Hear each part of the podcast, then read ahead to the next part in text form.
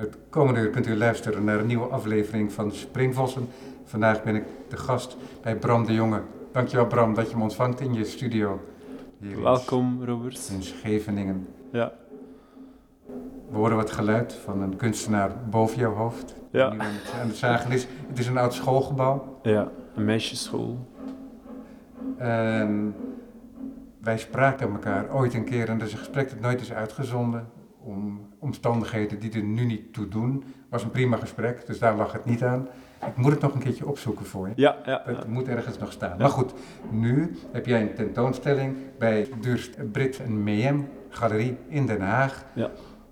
Een galerie waar je geen vaste samenwerking mee hebt, Nee. maar je kreeg een uitnodiging. Die heb je aanvaard. En de titel waaronder je je werk presenteert is Long Story Short. En dat is tot en met 21 mei te zien. Ja. De vorige keer dat we elkaar spraken was een tentoonstelling in 1646, denk ik. Eh, ja, naar aanleiding van 1646, ja. En dat ook was de titel. Ja. Ja, klopt. Ik zit hier in je studio en ik zie allemaal werk in voorbereiding. Ook werk dat al af is en dat je nog nooit getoond hebt. En dat is heel uitzonderlijk, want normaal heb ik nooit werk in mijn studio. Echt waar. Ja, dat is echt Als het heel... af is, is, dan stop je het in de krat en dan gaat het weg. Ja. En Het wacht, is eigenlijk nooit dat er in mijn, in mijn studio... In mijn studio is echt een werkplaats. En het is zelden dat er, dat er werk zichtbaar is. Dus het is best wel heel bijzonder dat je nu iets kunt zien. Dat is eigenlijk heel grappig. Maar stoort het je dat er afwerk is in de studio? Dat je daarom Nee, het stoort niet me niet. hebt? Nee, het stoort me niet. Ehm, je hebt ook een tijd in de studio nodig met het werk om te reflecteren op het werk. Dus je, je hebt ook die tijd nodig. Maar ehm, nee, er zit misschien een andere reden eh, aan vast. Eh, ik denk dat het ook iets te maken heeft met bezoek in de studio. Ik hou er niet zo van om mensen over de vloer te krijgen. En dat zou je werk kunnen zien. En dat ze mijn werk zien in een context Ja. die daar niet voor bedoeld is. Ja. Dus de studio is een soort, eh, ja, een soort heilige plek. eh, eh, Ja, waar maar wat is een context die ervoor bedoeld is? Kijk, ik weet dat jij überhaupt als beeldhouwer, maar jij ook specifiek als beeldend kunstenaar, graag je werk een relatie aan laat gaan met de omgeving. Ja. Ja. Het is niet zo dat je die omgeving wil forceren, maar je wilt een soort interactie op gang brengen.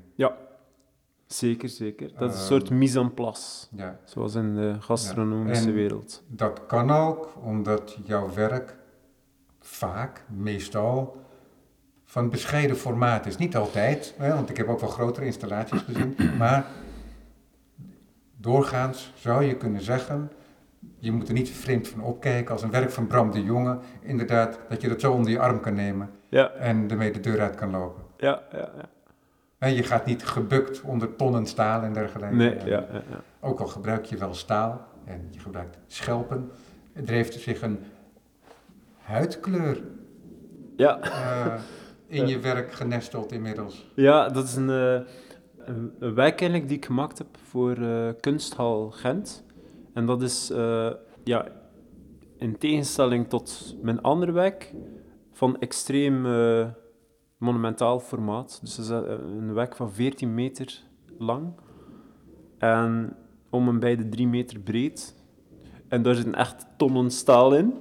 Dus dat is echt een, eh, een, een site-specifiek werk die daar... eh, ook, ook het conceptuele plaatje is eigenlijk daar ontstaan, want de, dus het is een oude ehm, karmelietenklooster.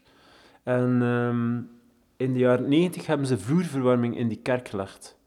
En eh, ik vond dat eigenlijk, ja, vond ik eigenlijk een conceptuele daad. Ik vond het heel, heel spannend dat daar vloerverwarming, want eh, zo'n kerk, ja, de fundamenten van die kerk zijn heel oud. Dus, eh, we spreken over 11e, 12e eeuw. En ehm, de notabelen, de notabelen van de stad werden ook begraven in de kerk.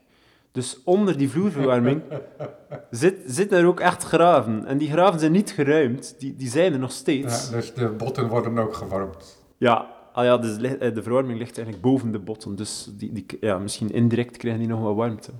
Maar ik vond dat zo maf, want eh, het, eh, ja, het is eigenlijk water die gepompt wordt door een buizensysteem die in die vloer zit. En ja, ik vond, vond het zo mooi, omdat ja, water is iets heel eh, adaptatief. En hedendaags onderzoek eh, over de, mm, ja, de, de, de specifieke eigenschappen van water tonen ook aan dat er, dat er eigenlijk dat er heel veel mysterie nog rond water vastzit. Dus eh, op moleculair vlak weten we heel veel. Maar er zijn nog heel veel mysteries die vasthangen aan water en het ontstaan van, van leven en eh, dat soort dingen. En dacht van, oh, dat is zo mooi. Ik dit deed me ook heel erg denken aan, uh, aan Jozef Beuys en honingpompen. Dat die, uh, is eigenlijk een systeem die honing rondpompt. En, maar goed, in elk geval uh, dacht ja, dat is, dat is gewoon het werk. Dus ik dacht, hoe kan ik dat inzetten in een, in een, in een werk?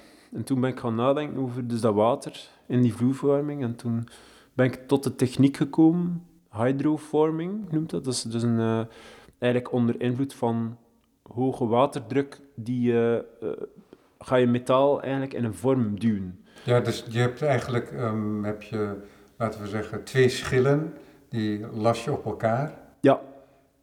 En dan ontstaat er een binnenruimte. En die binnenruimte, die zet je onder hoge druk en dat doe je met water. Ja, exact. En um, in de, dat komt, die, uh, wat ik zo mooi vind, is dat komt ook uit de automotive-industrie. Dus dat is eigenlijk een manier om platen in een bepaalde mal ook. Dus weer een heel klassiek beeldhouwkundig principe. Je hebt een mal en een, en een negatief en een vorm. En een sculptuur die er eigenlijk uitkomt. Dus Ik dacht die... dat het altijd gestanst werd. Maar ja, het is dus inderdaad een vorm van stansen. Alleen dus de, de mal is uh, het deel waarin met waterdruk de plaat ingeduwd wordt. Ja. Dus het is een soort stans met water. Oké. Okay. Uh, en ook ja, hydrauliek, dus olie. Alleen is het zo dat jij niet echt een mal hebt gemaakt. Ja. Je zou kunnen zeggen dat de mal stochastisch is. Ja. Dat er een toevalselement wordt toegelaten, want jij last twee schalen aan elkaar. Ja. Hè, dat zijn stalen platen. Ja, ja, ja. Die geef je al een bepaalde vorm. Ja, de contour bepaal ik natuurlijk. Dus, uh, ja, precies. ja. En de manier waarop dat gemaakt wordt bepaalt ook hoe er een krachtenverdeling gaat plaatsvinden. Hè, er, komt, er komt waterdruk in en vervolgens zoekt die druk, die zoekt zijn weg en dat, Ja. en dat staal dat gaat ook bewegen onder Ja. indruk van die druk, maar wordt ook belemmerd door de lassen. Ja. En de spanningsverschillen die dat oplevert, die leveren het sculptuur op. leveren de sculptuur op. Ja, die exact. vormen Ja. eigenlijk. Ja, dat is Maar het. dat is heel moeilijk te controleren voor jou. Of heb je inmiddels al Ja, ik heb- zo door ja, ik heb dat al- je als je bepaalde lassen maakt in een bepaalde richting, Ja. dat er dan een bepaald resultaat uit volgt? Ja, maar het, ei- het eindresultaat is toch steeds een, eh, een verrassing. Maar ik weet wel, als ik bijvoorbeeld een... ehm, ik weet wel hoe ik concave en convexe vormen kan bereiken. Maar hoe, hoe die er precies uitzien, dat, dat weet ik dan niet. Ehm, Maar dat heb je dus gedaan met een, over een enorme oppervlakte.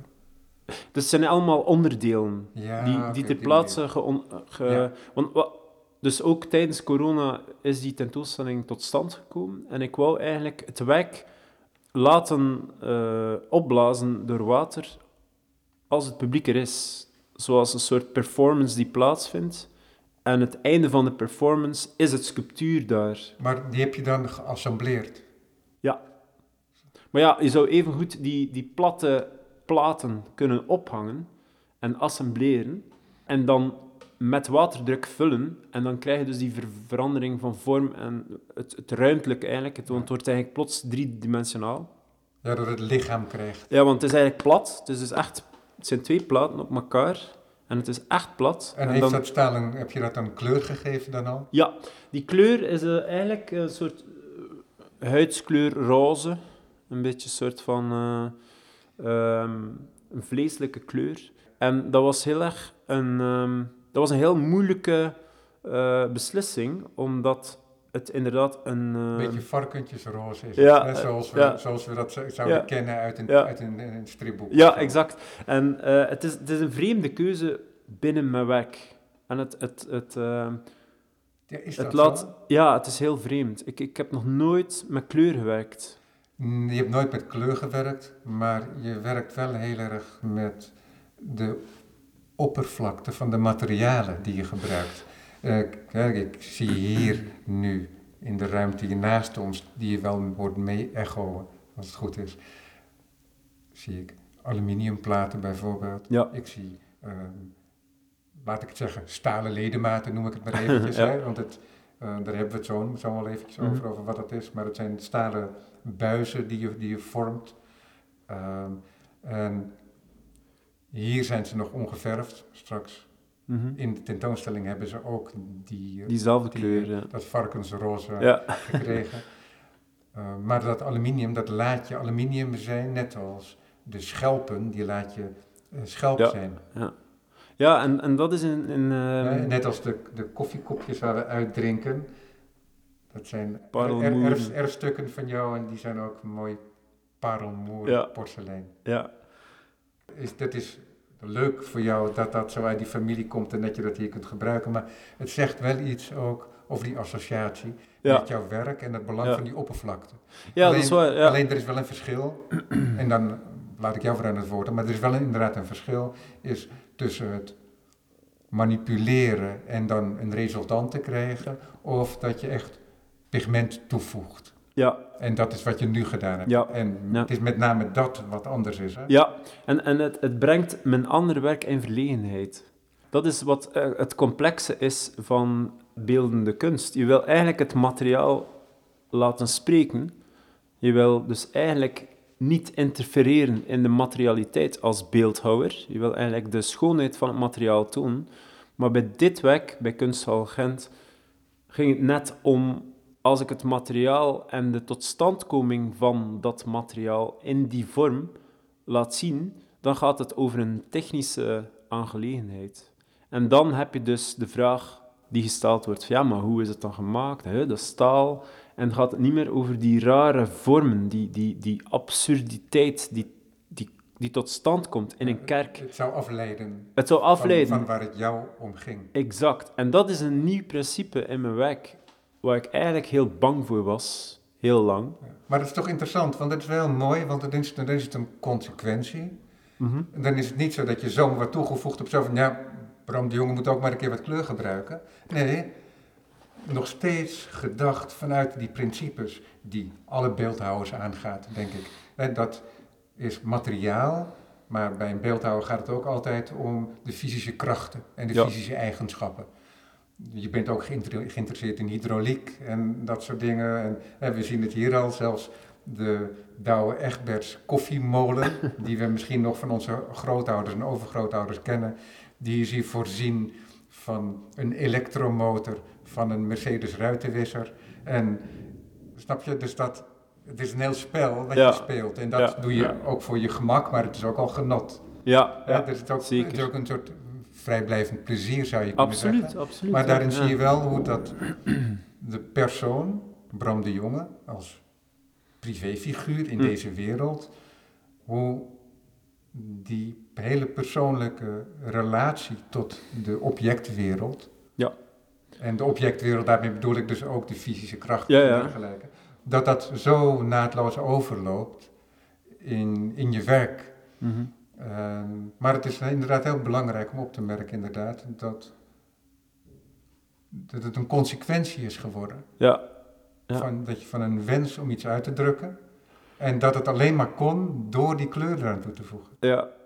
Ja, en, en het gaat ook om een soort, ehm, een soort grens die je opzoekt. Dus binnen dat werk eh, zoek je een bepaalde moeilijkheid op. Dus een moeilijkheid in, ehm, in de zin dat je wil ook jezelf vernieuwen. Je wil ook bepaalde eh, ideeën toetsen aan, aan, een, eh, aan nieuwe mogelijkheden. En die mogelijkheden dienen zich niet zomaar aan. Daarvoor moet je dus echt iets doen wat je onmogelijk acht of waar je angst voor hebt. En die- ja, en ja die- maar, maar het gaat er niet om dat je maar elke keer moedwillig, je met Nee. je ogen dicht, Ja, eh, nee. naast het pad gaat lopen. nee, het- ja, het is bewust een totstandkoming. Dus, het, is, dus het moet wel eh, een, een samenhang hebben. En want wat jij nu eigenlijk aangeeft, is iets wat ik voortdurend in herinnering breng aan de luisteraars. Is, voor mij is het gemakkelijk, want ik heb nog de Bram de Jong van 1646 in mijn hoofd. Ja. Ik kijk lekker terug. ja, ja. En dan denk ik van, oh, Van Rempel, hij maakt nu dit. Ja, dat snap ik wel. Oké. maar- Jij kijkt ook de andere kant op, want jij wilt je eigen werk voortdurend onder de druk zetten. Ja. Je wilt kijken of je de uiterste consequenties van je uitgangspunten nog verder kan kunt duwen. Ja. duwen. Ja. En Net als die hydrauliek, Ja. hè, die uiteindelijk die hydraulische krachten, die waterkrachten, die hydrokrachten, die dan zo'n sculptuur vormen. Mhm. En dat doe je maximaal haalbaar. ja. Hè, we gaan, we gaan eh, niet eh, halverwege stoppen. Nee. Ehm, maar het moet toch wel zinvol zijn. Het moet toch wel in verband staan met Ja. datgene wat al bekend is. Ja, plus je hebt, een, je hebt altijd een, een, eh, ja, een context waarbinnen dat werk zich staande dient te houden. Ja, en dat is de uitdaging. Ja, en dat is de grote uitdaging om dus ook een beetje om, om trouw te blijven aan, aan die context waaruit het Ja. vandaan komt. Dus eh, je hebt een, een, een inspiratiebron en hoe evolueert dan eh, die inspiratie door transformatie naar een, een werk? Ja, daar zit inderdaad een soort van ja, een wandeling tussen. En die wandeling is, is iets die, die, eh, die stapsgewijs ontstaat in de studio en die eigenlijk gebaseerd is ja, op een soort risiconame, maar ook, dat is deels bewust en deels onbewust. Dus je weet, wat, je weet ongeveer waar je naar op zoek bent, maar je moet het ook een beetje loslaten, anders, anders werkt dat niet. Dus dat is een, een heel vreemd spel van, eh, ja, van, eh, van spanning. Ja, maar het is een soort laboratoriumspel. Hè, Ja, Wat je nu aangeeft. Maar wat interessant is, hoe je het net omschreef, is dat het werk in Gent en waar je op door bent gegaan en waarvan ook consequenties te zien zijn Ja. bij, eh, bij Brit Durst Meehan, ja, ja. is dat je zegt, ja, dat werk in Gent, dat heeft mijn overige werk in verlegenheid gebracht. ja, ja. Zou je daar iets meer over kunnen zeggen dan? Nou ja, dat Nog? is... Want daar hebben we het eigenlijk al over gehad nu. Ja, Maar ik dacht, ik leg het nog even op tafel, Ja, zodat ja. het wat helderder wordt nog. Ja, het is, het is eh, voor mij ook nog niet helemaal helder. Maar het is wel wat ik heel tijd aanvoel. En dat is, eh, is volgens mij iets positiefs. Dat het je ander werk in verlegenheid brengt, is een, het is een bepaald gevoel die je hebt als je werkt, die je overmeestert. En ehm, daar krijg je een soort enorm geluk van. Dus je bent aan het werk en eh, er ontstaat iets. En in dat ontstaan eh, gebeurt... Dus de, er is er ook een soort van... eh, een conceptie van een idee. Dus het idee die, die, die groeit door wat je doet. En dat is dus, dus voor een stuk een onbewust proces. En wanneer dat bewust wordt en je krijgt een plan, je krijgt een idee om het, om het uit te voeren of, of het verder uit te werken, dan ehm, moet je dat dus eigenlijk als kunstenaar een beetje loslaten. Moet je dus dat, die conceptuele spanning of, of, of het idee die erachter ligt, moet je ook durven loslaten. Ja. ja, kijk, die karakterisering, het in verlegenheid brengen, dat kun je op verschillende manieren interpreteren. Hè. Dat kan Ja. negatief zijn. Van, ja, het laat mijn werk, het laat, zich, het, laat als het ware los van mijn vorige werk. En dit is wat ik nu gedaan heb. Ja, Mijn laatste werk is altijd mijn beste werk. En ja, wat is er daarvoor gebeurd? Dat, dat is de negatieve eh, connotatie. connotatie Ja, die dat ja. heeft. Maar dat is niet wat jij bedoelt. Nee, Jij, en dan spreek ik uit en dan hoop ik dat jij me dan aanvult of Ja. corrigeert. Hè? Maar wat jij nu lijkt uit te spreken voor mij, is dat dat nieuwe werk, dat in formaat anders is, dat anders is omdat er kleur is toegevoegd en niet, niet eigen was aan het materiaal. ja, Hè, waardoor je connotaties binnenhaalt. Ja, ja. Bijvoorbeeld het lichamelijke, Het, het vleeselijke. al dan niet artificieel, hè? Ja, of het vleeselijk inderdaad. ja. Waardoor er iets representatiefs ook in komt. En dat dat je overige werk opeens in een iets ander licht laat zien, Ja, waardoor het op een bepaalde manier eh, enigszins naakt is. Het laat Ja, iets ja. zien van het andere werk, ja, ehm, wat niet slecht is, wat goed is. Alleen, het is wel een kwetsbaar moment, als het ware. Ja, het, is, het is een soort eh dévoilé, hè? alsof er een Ja. sluier wordt opgelicht. En alsof dat laatste werk mij toestaat om nog dichter op je oudere werk te Ja. komen. dat is helemaal juist. Dat is het helemaal. Eh, eh, Kijk, als ik een metafoor moet eh, hanteren, dan zou ik zeggen: het is de eerste keer dat je koriander eet.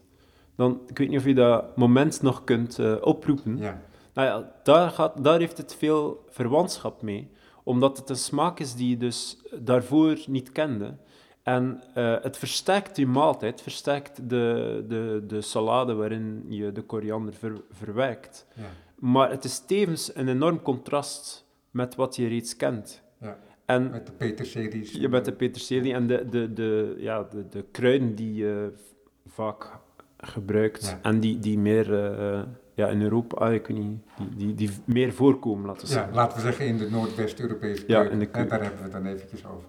Exact. Ja, Dus die, dat, dat contrast, maar tevens de verrijking is eigenlijk waar je dus naar op zoek bent en die, die dus zorgt voor die verlegenheid. Je, je krijgt een soort van inzicht, een soort van, eh, ja, een soort shock van, oké, eh, ja, wat is de verhouding dan? Het gevaar van zo'n analogie Ja, is altijd dat je die ook kunt misinterpreteren. hè. Want je zou kunnen zeggen, oh ja, maar dat, dan eh, probeer je een soort exotisme in je werk te introduceren. Dat is het laatste wat je wilt, want dan zou je weer helemaal weggeraken als het ware van het elementaire waar je zoals van houdt als beeldend kunstenaar. Maar ik snap wel enigszins wat je bedoelt. en wat bedoel je met exotisme? Nou, omdat je dan eh, iets introduceert wat oneigenlijk is, laten we zeggen, aan je, eet- aan je eetcultuur. Ja, ja, ja, op die manier. Snap je? Ja, ja, Dat je ja. opeens eh, Ja, dat is- dat is inderdaad- bamboes en curry's toevoegt aan, Ja, je, ja, ja, ja. je kunstwerk. Oké, ja, dus dan die, die metafoor gaat dan inderdaad niet, niet Nee, goed nee, op. maar dat is dan, weet je, en omdat ik dit nu zeg... eh, Ja, maar het is wel dan, goed, Dan, want- dan laat het helemaal op de grond natuurlijk, maar Ja. zo bedoelde ik dat natuurlijk niet. Ja, maar het is interessant, omdat, kijk, ik vraag wel eens naar dit soort momenten in een... Maar dat, ja, heel vaak zeggen kunstenaars, ja, dat bestaat niet op die manier. En het gebeurt ook niet zo heel vaak, hè, dat je zo'n verschuiving krijgt. Nee, ja, En wat Ja. nu heel interessant is, is dat jij daar nog helemaal door begeesterd bent. ja, ja, Hè, dat blijkt uit je, ja. Het is heel... je verwoording daarvan. Ja. Ja, dat is zeker. Eh, Het, eh, het, het is raar dat er een bepaald een principe je, je constant bij de les houdt. Dus je, je wordt heel tijd herinnerd aan een werk die je gemaakt hebt, die conceptueel niet anders ontstaan is dan ander werk, maar die qua beeldende taal, qua vormentaal, dermate anders is dan alle andere werken die je ooit daarvoor maakte. Nou ja, dat is best wel gek, want Ja. je, je, je, het conceptuele raderwerk is onveranderd. Ja. Dus de, de referenties of het referentiekader die ik hanteer is ook niet anders. Eh, de fascinaties en de inspiratiebron blijven hetzelfde, maar de, de, de uitkomst is dermate anders dat je dus eh, als kunstenaar heel erg gaat afvragen, ja, maar hoe is dat eigenlijk ontstaan? Ja, nou, het is, wat nu heel interessant hieraan ook is, Bram, is dat het een soort explosie is in je werk. Ja, Een explosie van potentie. ja, Daarvoor zou je kunnen zeggen, kijk, als ik dan naar de galerie ga, het zijn enkelvoudige objecten als het ware te zien, Ja. en die wel in relatie met elkaar staan. mhm. Ehm, tien afgekorte stalen buizen met een diameter van 4 centimeter of zo. ja, drie centimeter. 3 centimeter, Ja. vrij eh, stevig. Dus ehm, het is een rechthoek geworden. En in die rechthoek zijn eh, schelpen geplaatst. Ja, ja. Concaaf. Dus we Ja, kijken kokkels, tegen, tegen, ja. de, tegen, de holle, tegen de holle kant van de kokkels aan. Ja. En die kokkels, die, het ziet eruit alsof de kokkels het staal wegdrukken. Ja. En wat nou mooi is, is die kokkels hebben aan de buitenkant ook een staalkleur.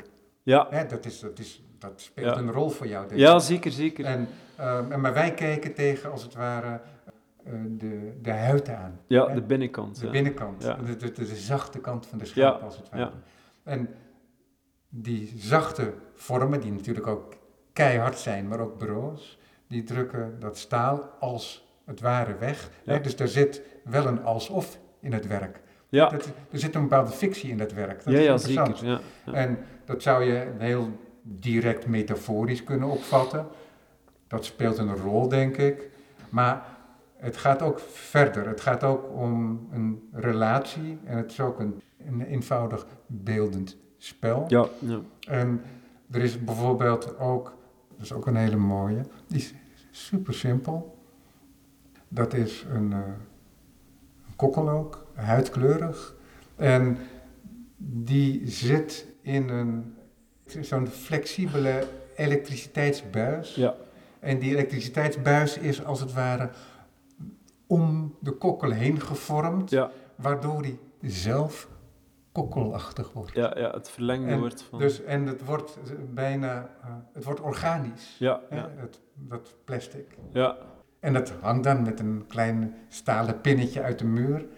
Eh, dus die relatie van het inbedden van het een in het ander, incongruente lichamen, ja, die bij elkaar geplaatst worden, dat is wat jij ook vaak doet. Er is ook een, bijvoorbeeld een eh, platte stalen buis, wel hol, maar rechthoekig. En die is op een ge- ge- stevige industriële formaat plastic buis geschroefd. Waardoor Oh, ja, ja, ja. de bovenkant en onderkant eh, iets loskomen van de muur.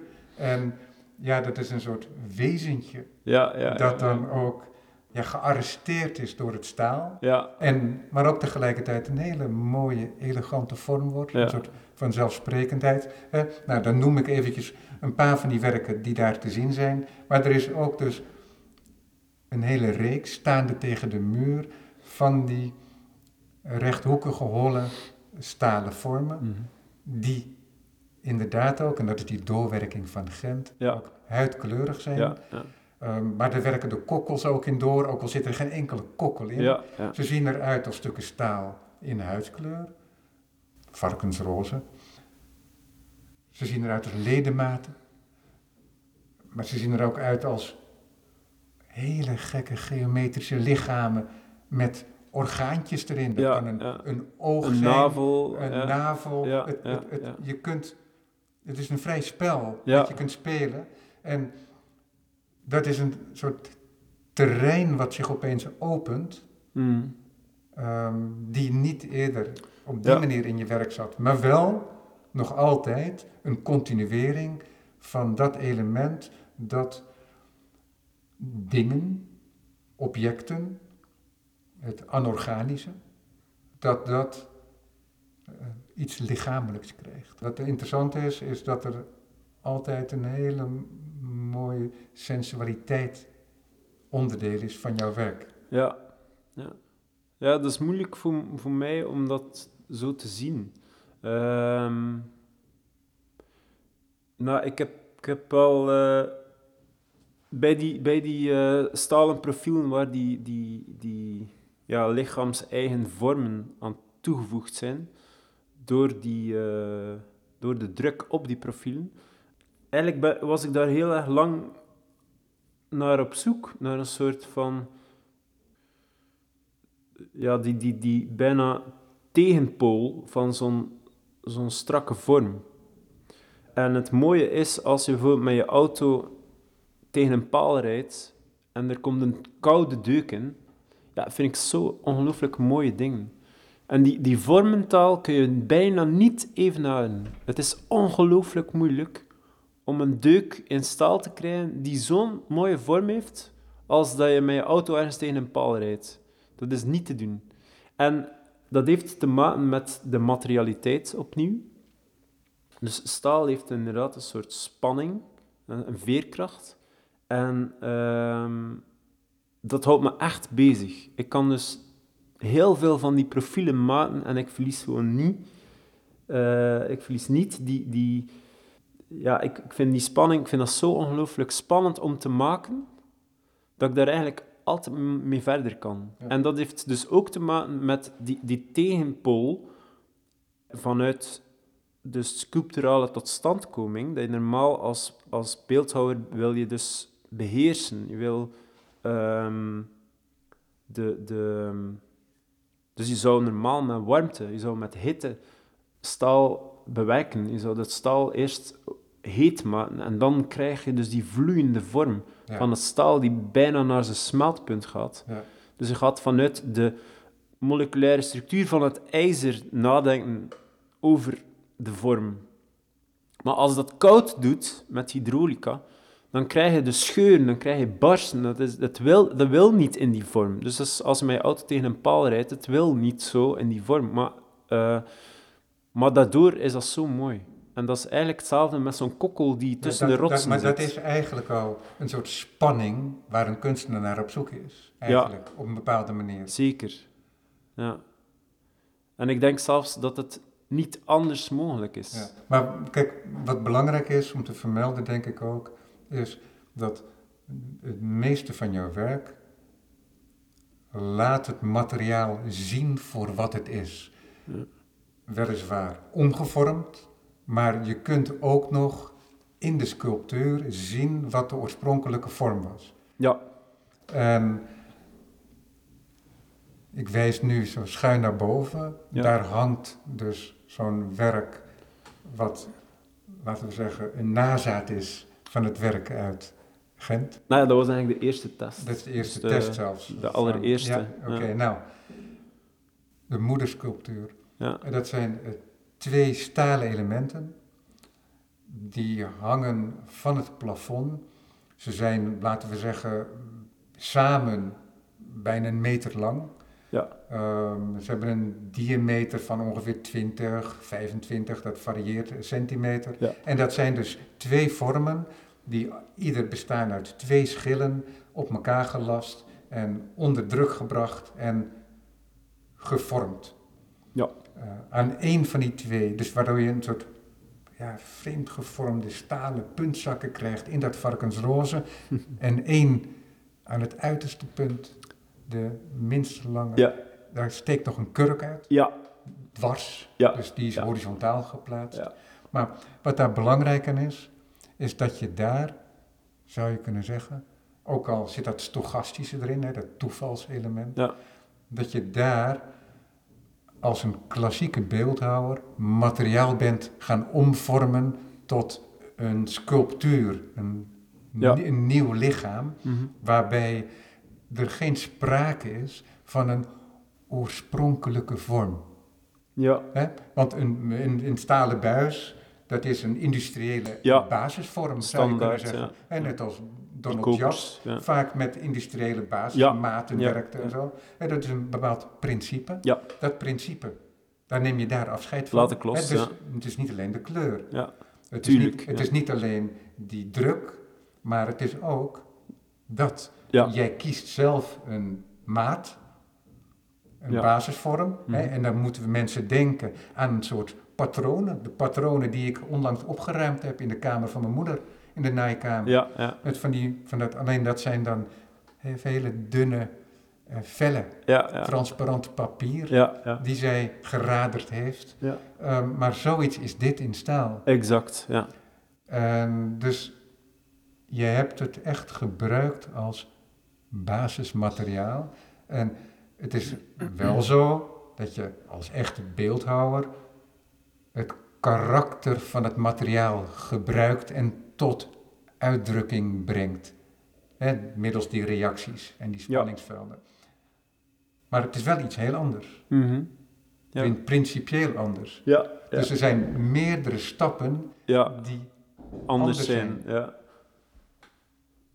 ja, ik denk dat daarvoor is ons gesprek, zoals nu, heel belangrijk. Je, dus je komt ook wel tot, door praten over je werk, kom je wel tot inzicht. Ook. Je, je ziet dingen anders en Ja, je hebt, je hebt die tijd nodig om, om dat eh, te snappen. Ja, was het een harde wet voor jou eerst dat, laten we zeggen, dat je een industriële basisvorm moest gebruiken in combinatie met iets natuurlijkers, al dan niet? Nee. nee. Of dat het zelf natuur wordt, hè? want soms gebruik je ook twee industriële basisvormen. Die grote dikke buis met een diameter van 8, 10 centimeter, zo 8 tot 10 centimeter.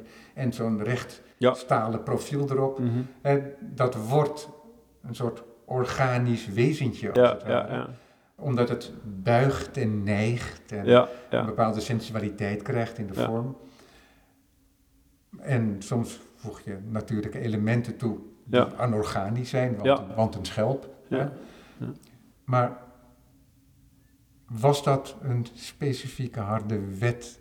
Nee, ehm, ja, ik vind het een goede vraag. Ik vind het ook een, een, een complexe vraag, omdat eh, ehm, ik denk dat er een, een achterliggend principe aan vasthangt, maar het is geen wet. Dus het is wel een soort van framework of een, een, een grid, een, een raster, een patroon, die meer te maken heeft met een soort van... ehm, onverwante context eh, die samenkomt. Eh, kijk, een eh, staal heeft, heeft een soort van algemene context van constructie, stevigheid, heeft ook te maken met, welva met welvaart, hè, dus een industriële revolutie.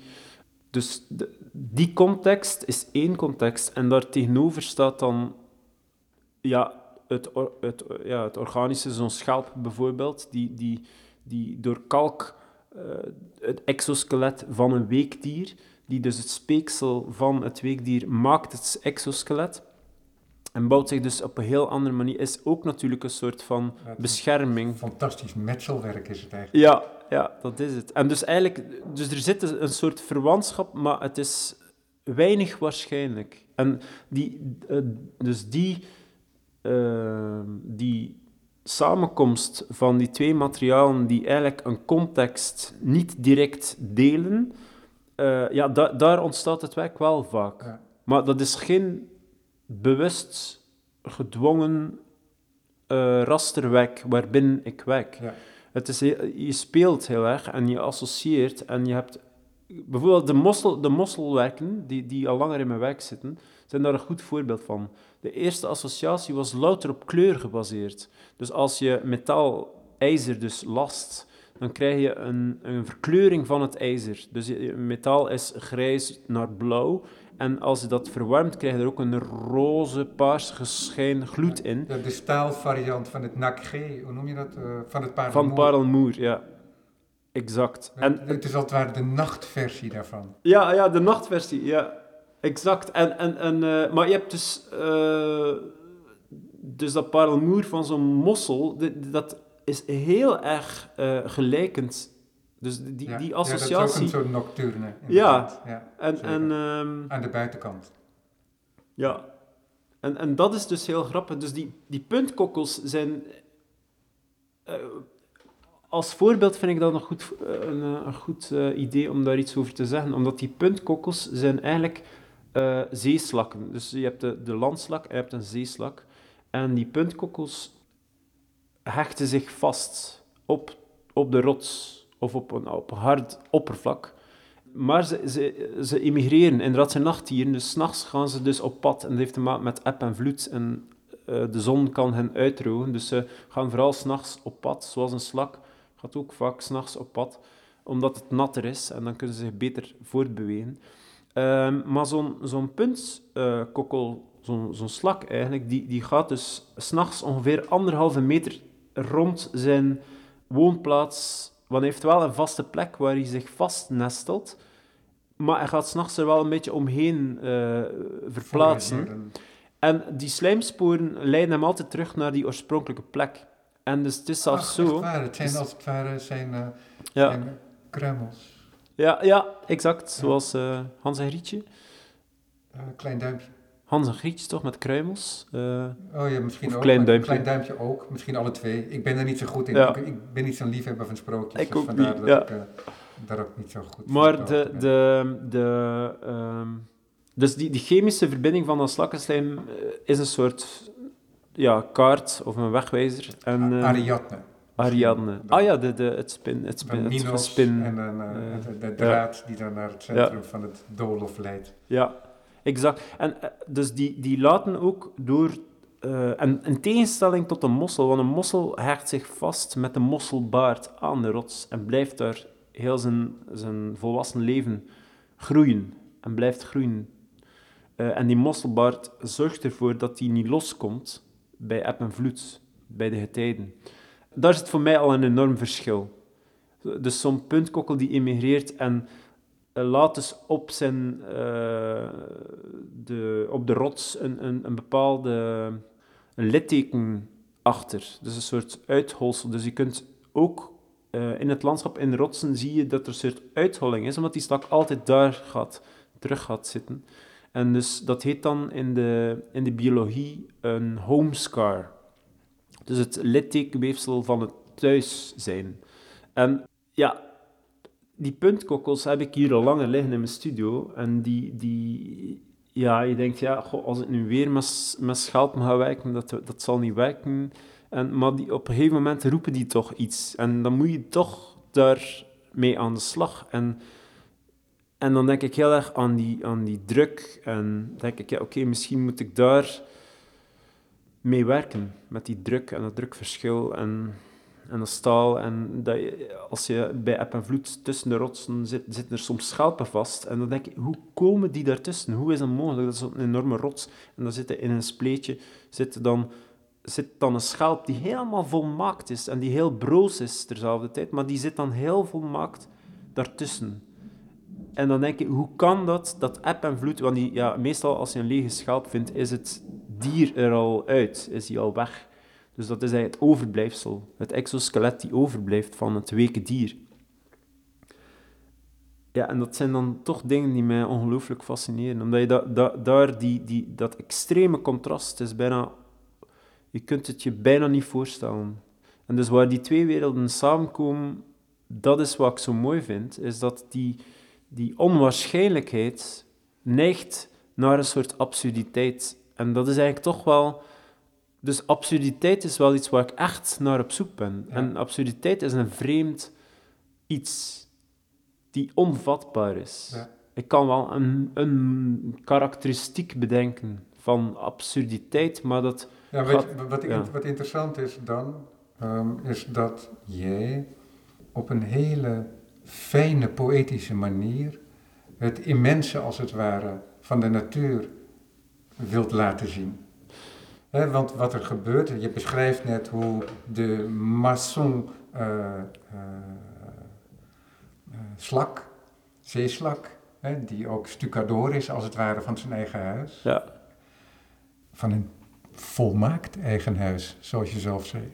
Ja. Want het heeft die prachtige ehm, wiskundige vorm. ja, ja. Hoe is het in godsnaam mogelijk Ja. dat die volmaakte wiskundige vorm ook daar zichtbaar is. in de natuur, hè, in al wat groeit als het ware, Ja, want ja, we, ja. vinden het ook terug in planten, in een ananas is opgebouwd en, en, ja, en de- dergelijke, de- enzovoort, enzovoort. Maar dat is iets wat jou ook fascineert.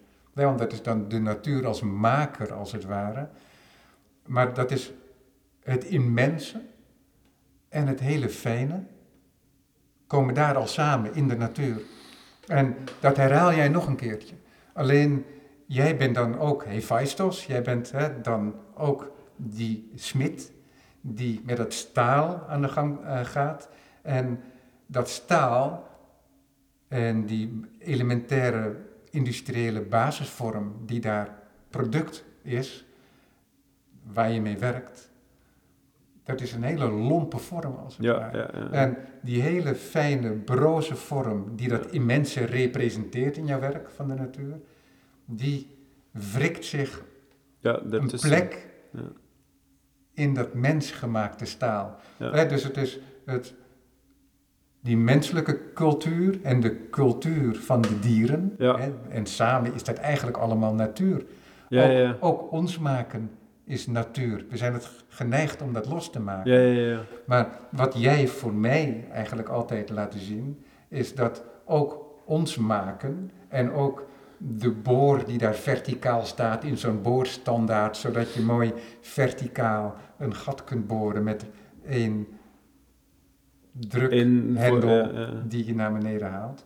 Ook dat is in zekere zin weliswaar verwijderd Ja, hè, door de niche die wij gecreëerd hebben voor onszelf. ja, Is ja. dat ook een uitdrukking van de natuur? En dat is wat jij ook zegt in je werk. Ja.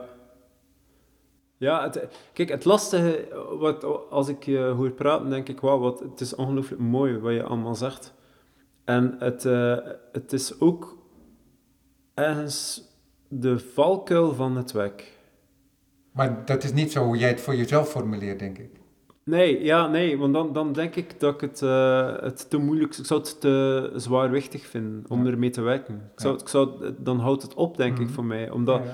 omdat het de, de, de druk wordt te groot. Ja. Om nee, maar iets kijk, te maken. ik zit hier om jouw vragen te stellen, maar tegelijkertijd, omdat ik enthousiast word van Ja, jouw ja, werk, wil ik toch ook graag met je delen dan ehm, ja, wat het allemaal op gang kan brengen in mijn hoofd. Ja, fantastisch. Snap Want, je? Dus, dus in die zin is dat gewoon ook ehm, een, een deel ik als het ware mijn blik met jou. Met datgene wat ik zeg wil ik niet aangeven dat dat per definitie jouw motivatie en uitgangspunt en dergelijke is. Dat ter verduidelijking voor jou en voor de luisteraar. Maar, maar dat, is, dat, is wel, dat is wel heel... eh, het, het is heel goed, want als kunstenaar ben je wel bewust van de blik van de ander. Dus je weet dat er wel een, een, dat er andere associaties plaatsvinden, dat er andere manieren van denken ehm, je werk kruisbestuiven. Dus die, en daar ben je ook echt naar op zoek. Daar ontstaat nieuw werk uit, vertelde je aan het begin van dit gesprek in Gent. Ook, ja, dat ook. Maar ook, eh, het is heel gek hoe je twee eenvoudig, relatief eenvoudige dingen samenbrengt en dat toch in gesprek met anderen, ehm, want als, als kunstenaar ben je een beetje een Einzelganger, maar je bent het ook niet, want je hebt ook echt wel die anderen nodig om uit je eigen perspectief te komen. Dus je hebt die... Dus tentoonstellen is een vorm van eh, verder komen, is een manier om, om die blik van die ander ook toe te laten in het werk en, en daar ook veranderingen in aan te brengen. Dus dat is heel dankbaar voor mij. Dit, dit soort gesprekken zijn heel erg eh, goed, maar ook confronterend. Ja, Ja, ook, ook wel op confronterend. wat voor ja. manier dan? Nou ja, om, omdat eh, wanneer een bewust... Wanneer een onbewust proces bewust wordt, ja, dan verlies je magie. Dus dat, dat magische van ons onderbewustzijn. De, als je droomt bijvoorbeeld, ja, dat, er zitten gekke... Er komen hele rare dingen tot stand in je, in je gedachten. En daar kom je met je ratio niet bij. En dat is, dat is heel spannend. Dat is echt, ik, echt wat ik graag zou eh, verder willen uitbouwen met mijn werk. Maar op het moment dat bewust wordt, dan kom je dus niet meer verder. Dan kun je niet meer dromen. Dan Nee, word je wakker. Maar je merkt tegelijkertijd ook dat soms een bewustwording heel belangrijk. Zeker, zeker. Dat is voortdurend, dat weet je ook als docent zijnde, weet je dat. Ja, Want je moet ook je studenten, ja, die jonge kunstenaars, die wil je ook voortdurend bewust laten worden van mogelijkheden, van keuzes. Je wilt mensen Ja. laten werken, net als dat je jezelf wil laten werken. ja, Want ehm, jij gaat naar Gent, je gaat een werk maken, je bent bezig te maken en ja, het vormt zich om. ja. En omdat je bezig bent met een bewustwording, omdat je ziet opeens, oh, maar dit is wat het publiek ermee gaat doen. ja, ja. En dat is niet waar het om begonnen was. Laat je dat gaan, met het risico dat het werk helemaal vervreemdt, of probeer het weer helemaal eigen te maken, zonder de relatie met de kijker te verbreken. Ja. En dat, is, dat zijn toch ook bewustwordingen? Dat is iets wat voortdurend eh, gaande is, wil Ja. ik maar zeggen. Ja. Maar je bent er ook bevreesd voor. Mm, nee. Nee, ik ben er niet bevreesd voor. Ja. Nee, het, het, het is moeilijk om, om het zo eventjes in woorden te gieten, omdat... eh, eh, nee, ik kan het niet zo goed in woorden gieten. Mhm. Eh,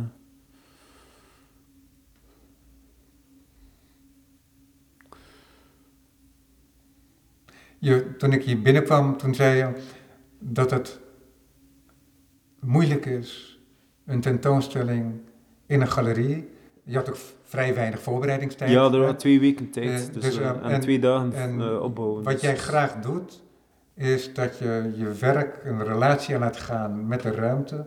Ik zei eerder al dat je dat doet op een manier die vrij fijn is. Het is niet zo dat jij zulk sculpturaal werk maakt dat dat zich zet in de architectuur en of de architectuur zijn wil oplegt of iets zegt over de architectuur. Ja, ja, Dat doet het misschien wel, maar het is op een veel fijner gebied ja, ja. eh, speelt zich dat af. ja, Hè, dat, eh, dat is dan wat klein poëtischer als het Ja, ware. ja. En, en dat gebeurt nu wel in de tentoonstelling bij momenten, ja, ja. maar minder in het geheel als het ware. Ja, in die zin is het een, een, eh, was het een goed, eh, een goed plan om, om een keer eh, een galerieshow eh, te doen. Een, een tentoonstelling in een galerie.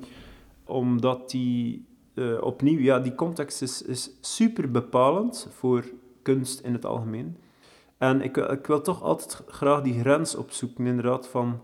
ehm, Kijk, iets kan niet vervreemden in, in een institutionele ruimte. Het is heel moeilijk om iets te laten vervreemden. En dus dat absurde opzoeken kan bijna niet in een galerie. En daarom is het super interessant om dat te proberen. Want overal is een klein grijs gebied te vinden, zelf, zelfs in een institutionele ruimte. Eh, daar ben ik echt van overtuigd. Maar het is veel moeilijker. Dus het is, het is een, eh, een heel, fijn, eh, heel fijne zoektocht. Maar dat vraagt heel veel meer tijd. En nu had ik helemaal geen tijd. Dus het is ook ergens eh, frustrerend als je weet, oké, hier is een heel bepalende context die zich aandient. Eh, je moet je als kunstenaar daartoe verhouden. Dat kan je niet anders, want je weet dat je binnenstapt in een arena eh, die institutioneel is. Ja, dan, dan, dan gaat er dus iets... Dan moet je dus heel speels mee omgaan. Moet je proberen... En daarvoor had ik vaak eh, dus het grote en het kleine samen. Dus een groot gebaar om iets kleins te zijn. Of, of een klein gebaar om iets heel groots te zijn. En het futiele en het, eh, het, het onaangepaste zat er altijd wel ergens in vast. En nu zijn die kleine werken echt individuele werken. En daar, daar, daar ontsnap je dus niet aan de blik. De blik is er van het moment je binnenstapt. En dus je weet precies, dit zijn werken die zich als kunstwerk presenteren. Dus dat was voor mij ergens een soort, ehm, ja wel een nieuwe stap ook, omdat ik, omdat ik dan dus nog nooit gedaan heb op die manier. Ehm, dus die werken gaan verzelfstandigen, hebben geen andere context nodig. Die, die kunnen inderdaad aan de muur hangen. En dat zelfs in een andere context zal men toch een, een ervaring eh, die gerelateerd is aan kunst kunnen voelen.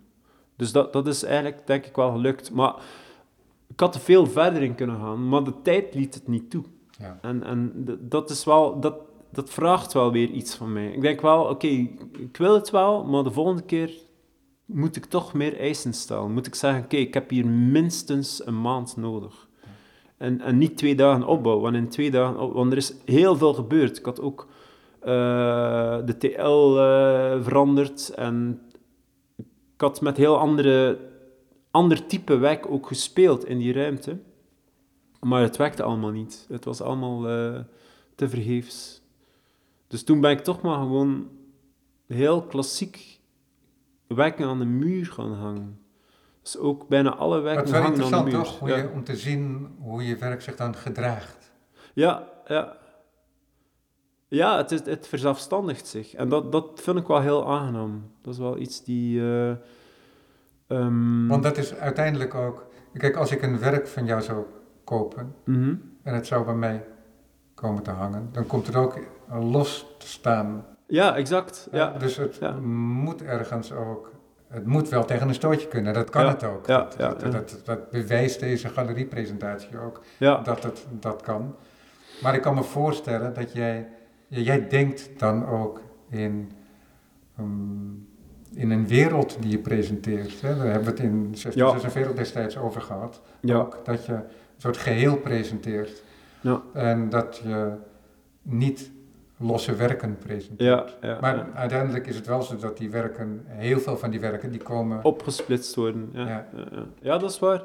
Eh, het, eh, het mooie daarvan is, ik vind het allermooiste als een werk bij iemand thuis komt te hangen. Vind ik het allermooiste. Omdat eh, daar weer die gekke, gekke context van het thuis zijn of van, van eh, ergens achter een deur, eh, heel vreemde, ja, mensen hebben dan weinig plaats of zo, of hangen het dan ergens. eh. En dan gaat het werk ook weer heel apart uitrekenen. En dat vind ik mooi. Bram de Jonge, we zijn aan het einde van Ja. het radiouur. Dankjewel. Dankjewel voor dit gesprek en ik hoop je natuurlijk nog een keer te spreken. De tentoonstelling Long Story Short is tot en met 21 mei te zien bij Dust, Brit en Meeuw. Dankjewel. hè. Dankjewel, Robert. Volgende week in Springvossen een gesprek met Nanook Leopold, de filmmaker, maar zij maakt ook video-installaties en dat doet zij samen met Daan Emmen onder de naam Leopold Emmen. En van hen is nu in twee, drie ruimtes de installatie te zien I Dream About This House Every Once in a While en dat is te zien in Tent.